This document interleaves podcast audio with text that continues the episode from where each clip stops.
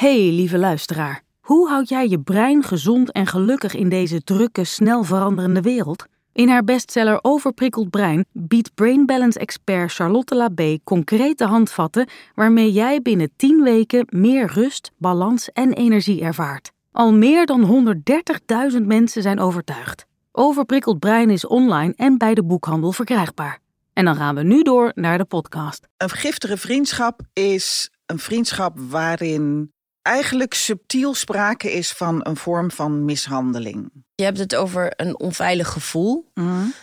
Ik kan me ook voorstellen dat dat komt omdat het zo sneaky gaat. Ik heb een keer een droom gehad en toen zag ik een schaakbord. En dat waren al mijn vriendschappen en dat waren het pionnen die voortdurend ergens anders stonden. Want ik was altijd heel loyaal in mijn vriendschappen. En ik heb daardoor geleerd om het wat meer los te laten. Op het moment dat je je eigen pijn kent, groeit ook je compassie voor de ander. Welkom bij Lieve Marian, een podcast waarin ik brieven beantwoord over het leven en de liefde. Jullie brieven over grote en kleine problemen. Ik ben therapeut en schrijver Marian Mudder. En ik ben journalist Rachel van der Pol. En ik, ja, wat doe ik eigenlijk, Marianne? En jij bent mijn sidekick. Jouw Robin. Ja. Met deze podcast hopen wij wat troost en inzicht te geven aan wie dat nodig heeft. Misschien jij wel. Vandaag behandelen we een brief van de 52-jarige Joke Willemsen die worstelt met een vriendschap. Rachel leest de brief voor.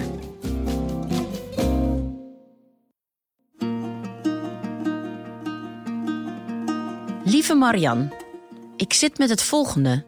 Ik heb een vriendin en eigenlijk ben ik altijd een beetje overstuur nadat ik haar gezien heb.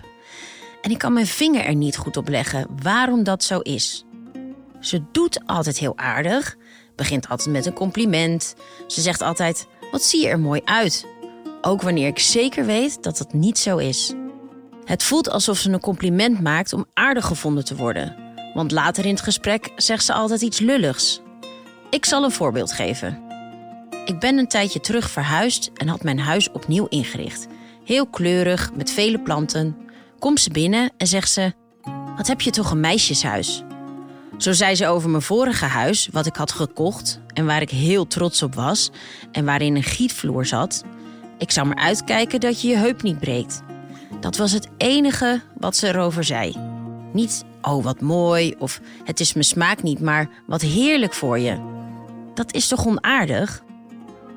Nog een voorbeeld. Ik had laatst een korte rok aan.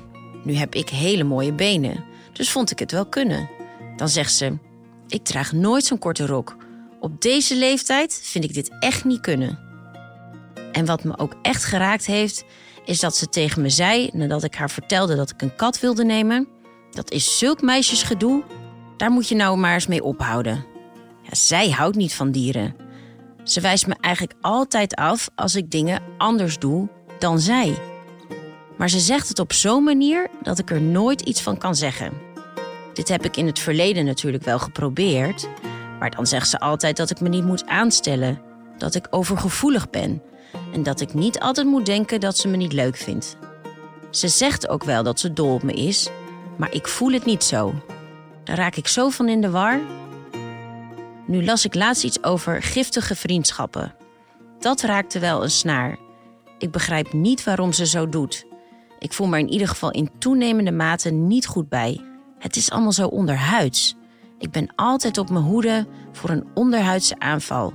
Voor een pijltje waarmee ze me subtiel naar beneden haalt. Lieve Marianne, wat moet ik met deze vriendschap? Ja, Joke, ik denk dat heel veel mensen zich herkennen in jouw brief. Ik denk dat dit een heel herkenbaar probleem is.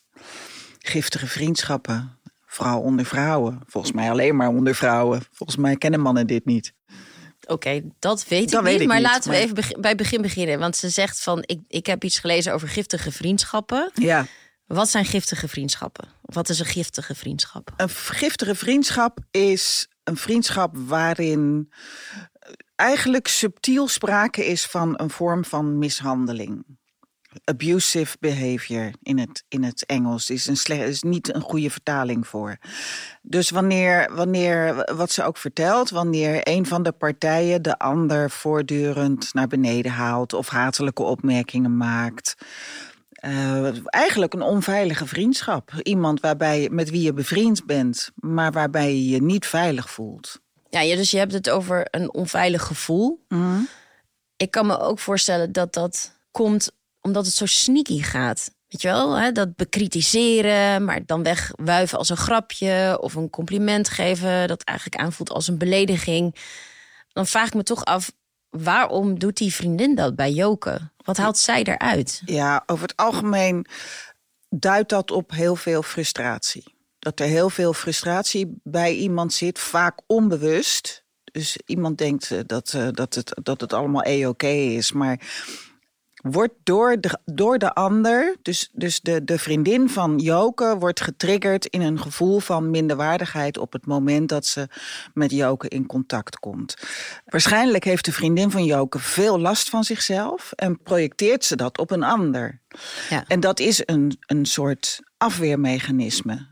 Dus om dat gevoel niet te voelen, projecteert ze haar negatieve zelfbeeld op de ander, op Joke om er zelf geen last van te hebben. Dus dat is het mechanisme van de ander naar beneden halen om jezelf beter te voelen. Een heel bekend voorbeeld hiervan is de, de krabbenmand. Er is altijd veel rivaliteit onder vrouwen en dat wordt, dat wordt wel eens de krabbenmand genoemd. Krabbenmandgedrag. Dus zo van in plaats van elkaar te helpen, ga je de ander naar beneden ja. duwen Op een, om krabben, er zelf uit als te je komen. letterlijk krabben, als je ze in een mand stopt Ja. en er wil er één uitkrabben, dan wordt hij door de ander naar beneden gehaald. Want, Oh, je, ja, moet, want je moet bij de groep blijven. Ja, En bij vrouwen zie je dat fenomeen ook vaak. Dat op het moment dat, dat een vrouw ehm, meer zelfvertrouwen krijgt of opklimt in de, in de, op de maatschappelijke ladder, dat, ze, dat, ze, dat het er op tegenstand komt te staan van eh, andere vrouwen. ja, En, en daar is deze vriendschap eigenlijk wel een voorbeeld van, zo te horen. ja. Er zit zo'n hele bekende scène ook in Mean Girls. Ja, ik weet niet of je die film kent, maar dat dan van die tienermeisjes met elkaar zitten. En dan eh, zegt de een bijvoorbeeld, oh, I hate my thighs. En dan zegt de ander iets over, I hate my nose. En dan, en dan komt er dus een nieuw meisje op school. En die heeft, die, die heeft in Zuid-Afrika gewoond. En die heeft echt zoiets van, ja, ik vind mezelf prima. En die valt er gewoon helemaal buiten. Ja, ja, ja. Ja, want dat is, dat is ook een, een, een ding bij vrouwen. Vrouwen zoeken contact met elkaar vanuit hun onzekerheid. Bijna altijd. Als je, als je contact wil maken met een. Als je vriendinnen wil worden met een, met een vrouw. Dan ga je het hebben over je onzekerheid. Heel veel van mijn vriendschappen die zijn daar begonnen. Omdat we gelijksoortige problemen hadden. En, en elkaar daarin vonden.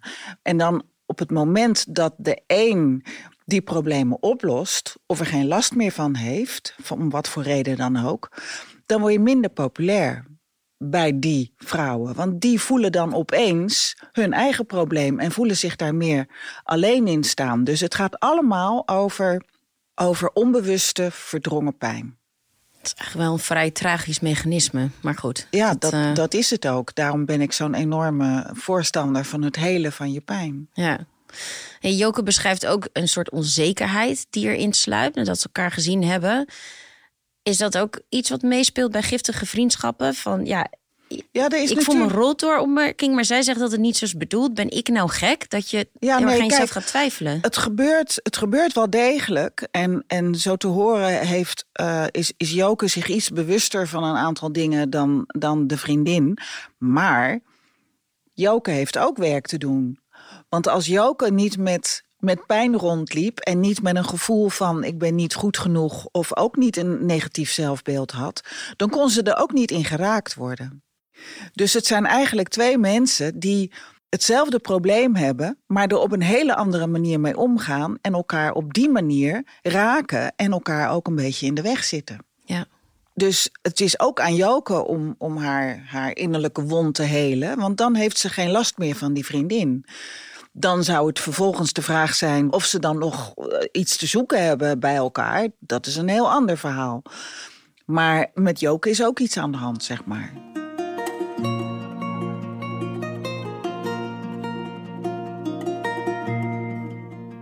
En jij had het net ook over mijn beginnende vriendschappen zijn ook zo gestart. Um, Veel wel, niet allemaal. Ja. Heb jij ook ervaring met giftige vriendschappen? Jazeker.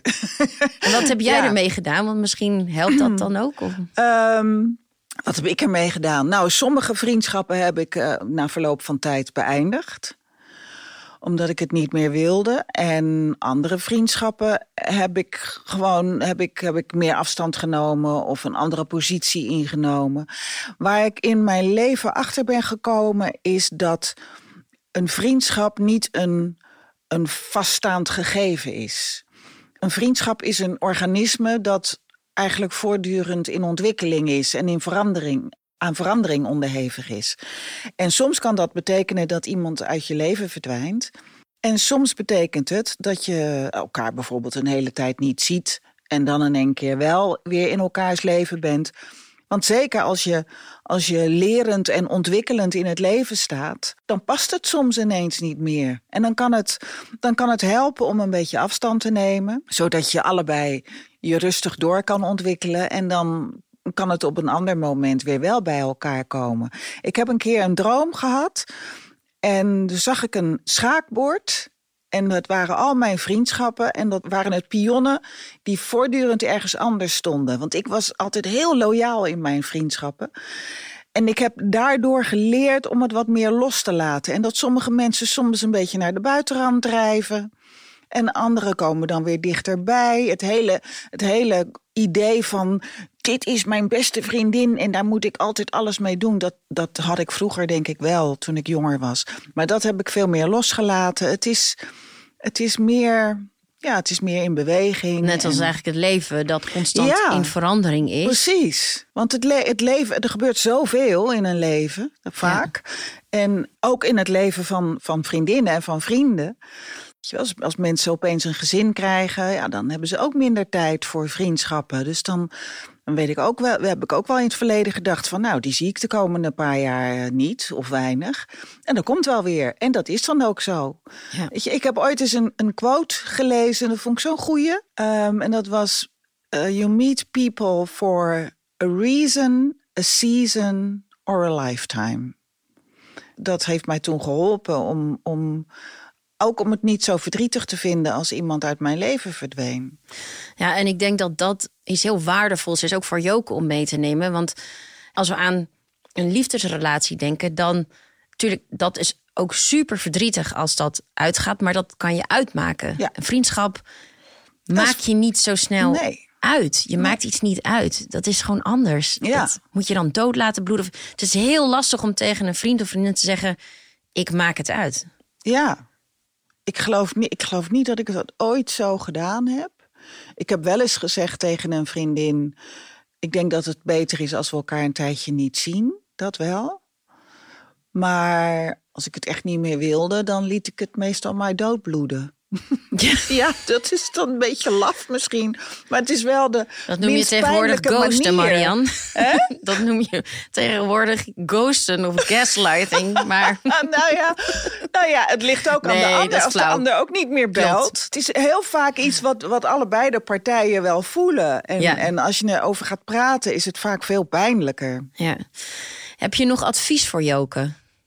Van wat ze kan doen? Nou ja, wat, wat sowieso belangrijk is voor Joke, is dat ze ook bij zichzelf te raden moet gaan. Van uh, hoe goed is mijn zelfbeeld eigenlijk? En zo mogelijk daar iets aan gaan doen.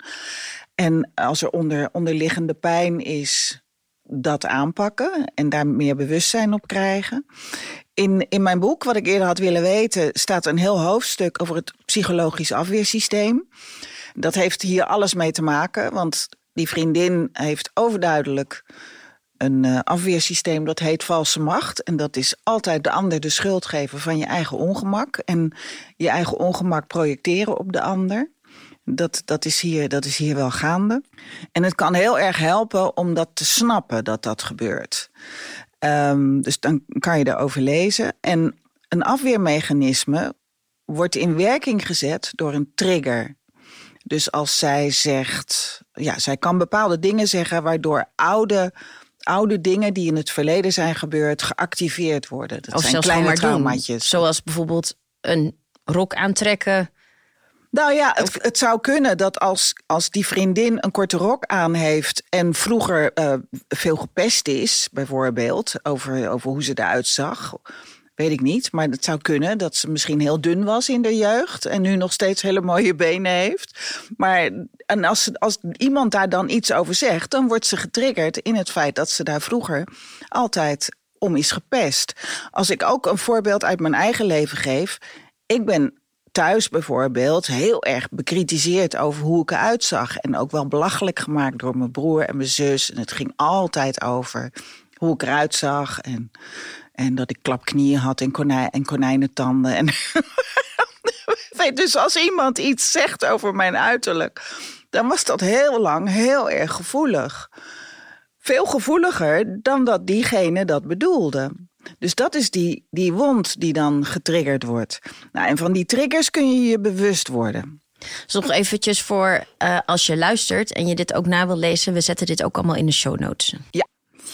En nou, het is natuurlijk mooi als je je wond gaat helen. Want daarmee groeit ook je compassie voor de ander. Op het moment dat je je eigen pijn kent heb je veel meer begrip en compassie voor de pijn van een ander. Dan kan je veel meer hebben van de ander. Dus dat vind ik gewoon, dat, is, dat moet onderwezen worden op school, vind ik.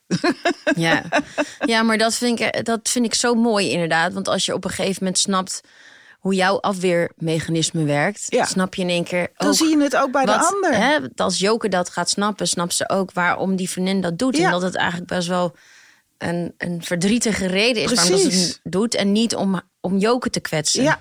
En als ze, als ze dat echt goed snapt, dan kan ze daar, zou ze daar ook op een hele slimme manier op kunnen reageren. En juist aardig worden op zo'n moment.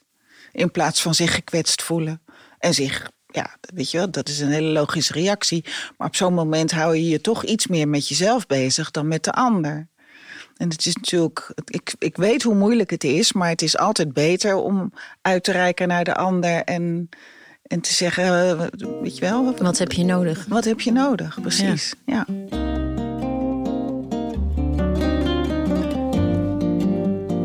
Je luisterde naar Lieve Marian, een podcast van VBK Audiolab en Ambo Antos uitgevers. In deze aflevering heb ik het onder meer gehad over triggers en compassie ontwikkelen voor jezelf en anderen.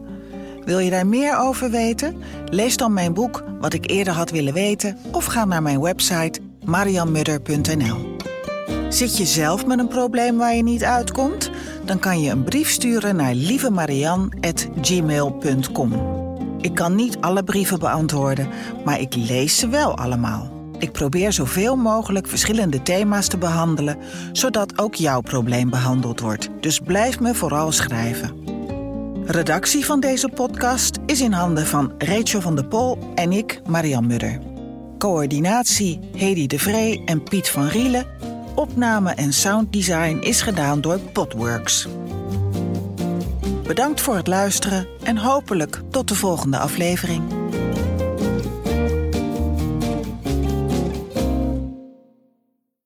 Hey, lieve luisteraar. Hoe houd jij je brein gezond en gelukkig in deze drukke, snel veranderende wereld? In haar bestseller Overprikkeld Brein biedt Brain Balance expert Charlotte Labé concrete handvatten waarmee jij binnen 10 weken meer rust, balans en energie ervaart. Al meer dan 130.000 mensen zijn overtuigd. Overprikkeld Brein is online en bij de boekhandel verkrijgbaar.